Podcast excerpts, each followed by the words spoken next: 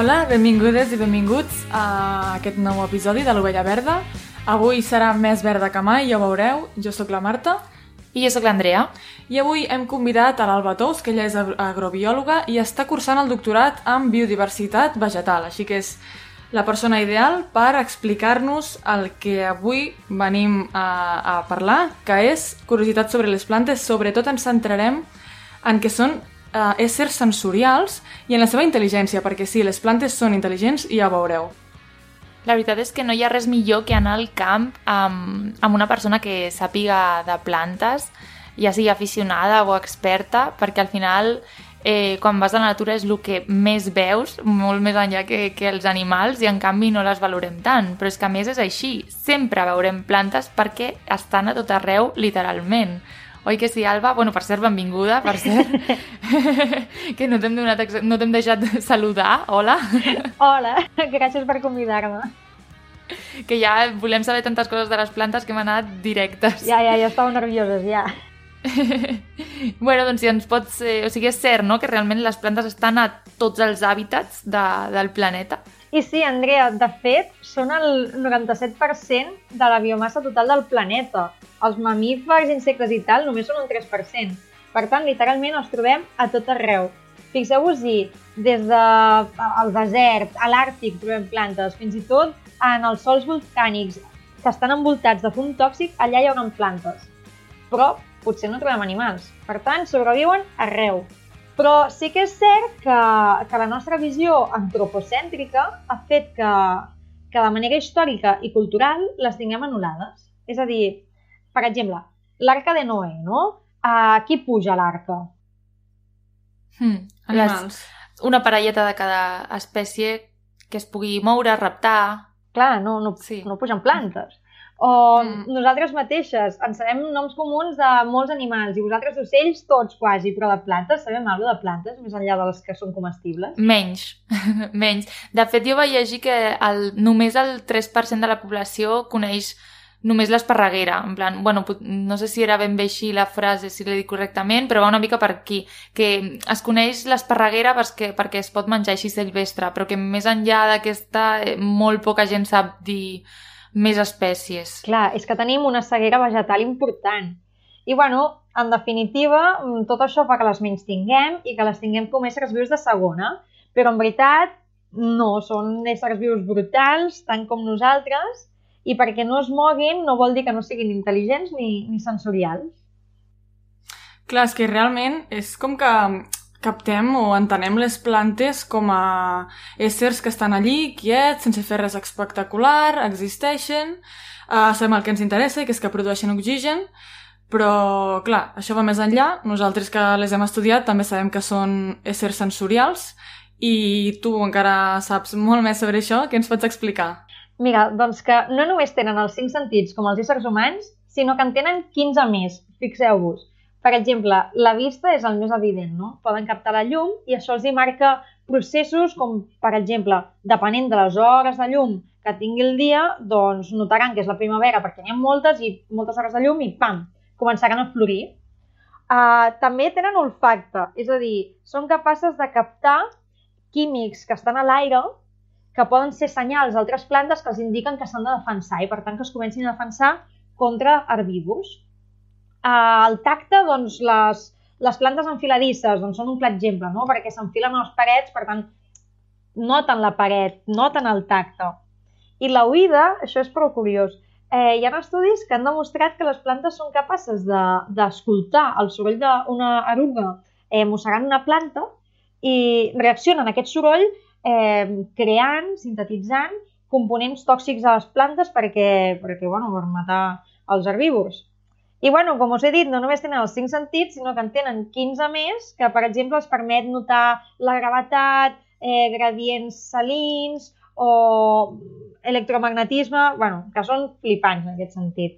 I amb això el que vull dir és que les plantes són plenament conscients del que els envolta i dels canvis del seu ambient i que per res són una part inanimada del paisatge. Vale, Alba, captat. ens, eh, ens transmets, la veritat és que una passió per les plantes increïbles i està molt ben argumentada perquè tens tota la raó. ens queda clar que són éssers sensorials, tot i que la bomba d'aquest episodi jo crec que és dir que són éssers intel·ligents.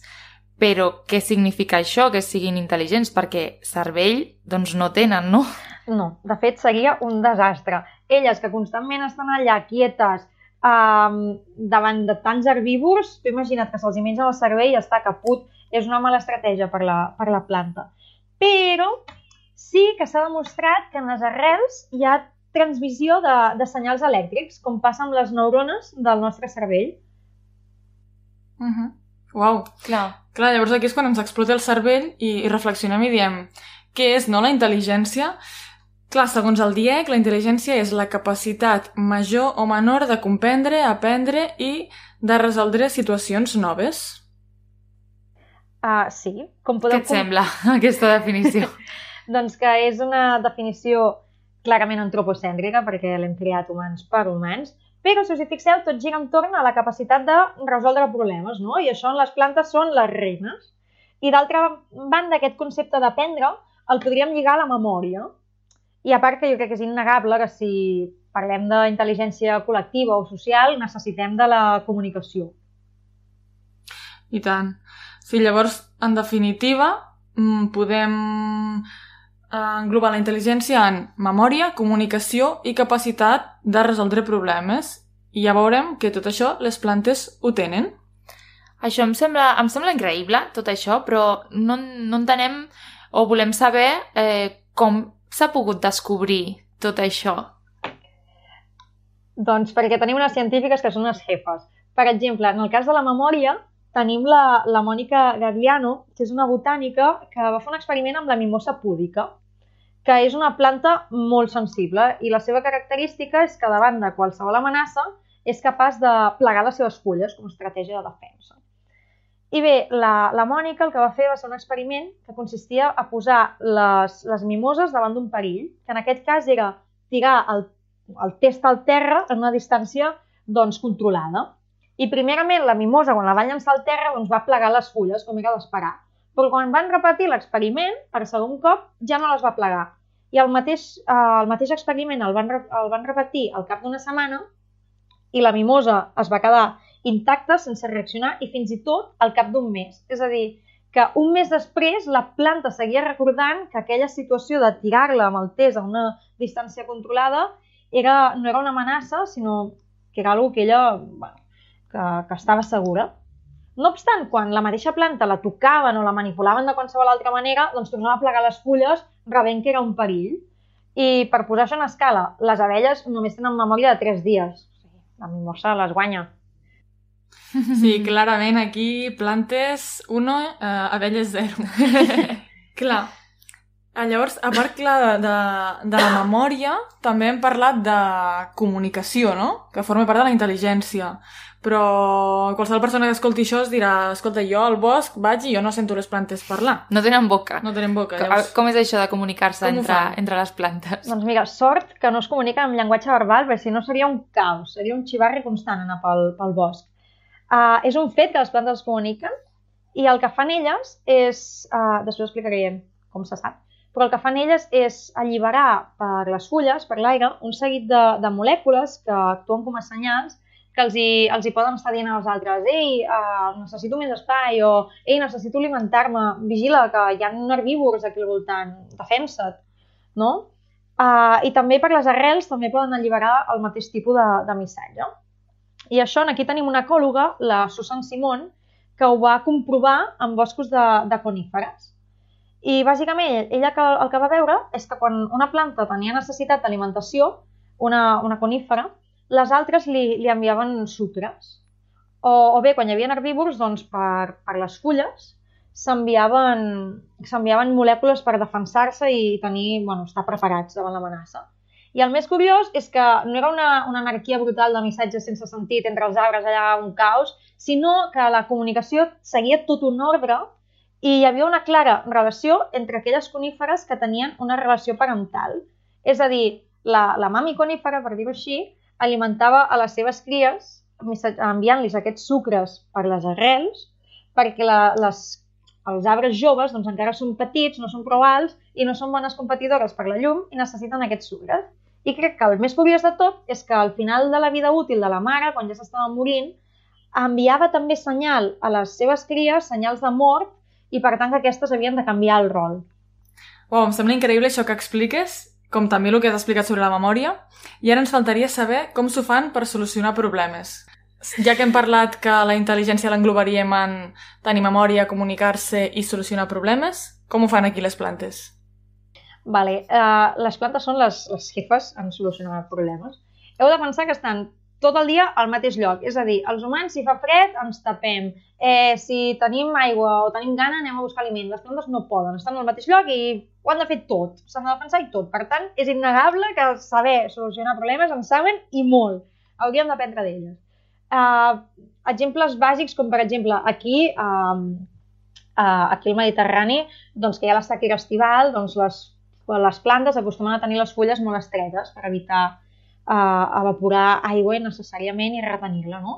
Però us vull explicar una anècdota, que és prou curiosa, que va passar als anys 90 al Parc Nacional de, de Kruger a Sud-àfrica, que demostra clarament que les plantes són eh, magnífiques en resolvent problemes. El que va passar en aquest parc nacional és que bueno, eh, van voler batllar per la conservació dels codús uns antílops en greu perill d'extinció. És per això que es van agrupar tots a una zona molt reduïda del parc amb l'objectiu d'incentivar la reproducció. Però el pla va fer figa perquè els codurs anaven morint cada cop de forma més freqüent. I en investigar el cas es van adonar que, que el motiu era, eren les acàcies, que les acàcies són aquests arbres africans típics, els del rei León i tal, doncs que és la font principal de dieta dels codurs, van veure que aquelles acàcies que estaven en aquella zona tenien una concentració de tanins en les fulles brutalment elevades i aquesta molècula intoxicava els codurs fins a, fins a morir, perquè els tanins són tòxics.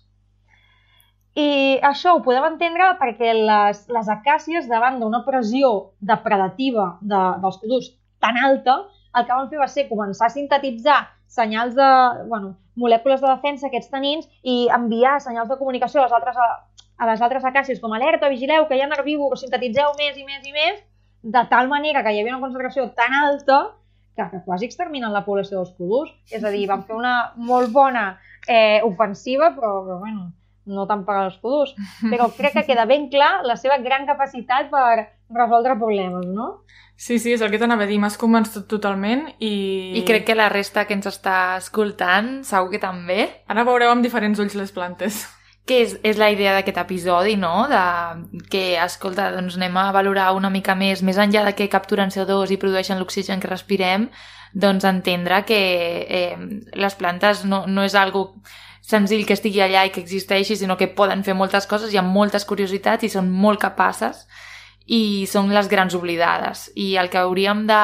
És que és fins i tot molt més interessant eh, anar al camp i reconèixer les plantes, perquè les plantes està clar que les veuràs i els animals no tant. I llavors és molt interessant doncs, saber eh, anar amb una guia petita eh, d'iniciació de la teva zona i començar a reconèixer aquestes plantes que hi ha al teu voltant i segur que eh, et piques, no? És com... És molt entretingut de dir, ai, mira, aquesta ja me la sé, ui, però aquesta no, a veure, podria ser aquesta o aquesta. I quan vas amb persones com tu, que, que ens pots acompanyar perfectament a la natura, al camp, al bosc, eh, quan tenim dubtes, que encara tenim inclús amb, que hi ha molts tipus, moltes espècies de pins i a vegades tenim dubtes, doncs ho tenim a tu per, per acabar de, de dir aquest, és aquesta. Sí, és el que anava a dir, sempre quan vas al, al camp amb algú que en sap sobre, sobre alguna temàtica, no? per exemple, aquí hem, quan hem anat amb l'Alba al camp hem après moltíssim sobre plantes, a mi jo sempre em sorprenc perquè sembla que sàpigui tots els noms de totes les plantes que veiem i, i és això, no? una mica la idea de valorar més el que, el que ens envolta, el les plantes, perquè no els hi donem la importància que mereixen, ja veiem que tenen unes capacitats extraordinàries i és, és enriquidor no? saber mm. el que ens envolta. Has transmès molt bé la, la passió que tens per les plantes i segur que ara molta gent eh, que ens pugui escoltar doncs, eh, segurament s'engresca o, o comparteix aquesta opinió exacta, diu exactament, per fi un episodi sobre plantes. Sí que ja en portem uns quants i encara no n'havíem parlat. Ara ja, ja està, estava pendent. Moltes Veu? gràcies, Alba. Seguirà vegetal. Sí, exacte, seguirà vegetal, eh? Molt bé. Ens Totalment. has tret una vena de... Una vena, o sigui, una... sí, dels ulls. Doncs moltes gràcies, Alba. Hem après moltíssim amb tu i a veure si més endavant podem seguir també aprenent altres coses sobre les plantes perquè amb tu sempre, sempre hi aprenem. Ai, que guai, Marta. Moltes gràcies a vosaltres per convidar-me. La veritat, m'ha fet molta il·lusió. Adéu, moltes gràcies. Ens seguim escoltant. Adéu! Adéu.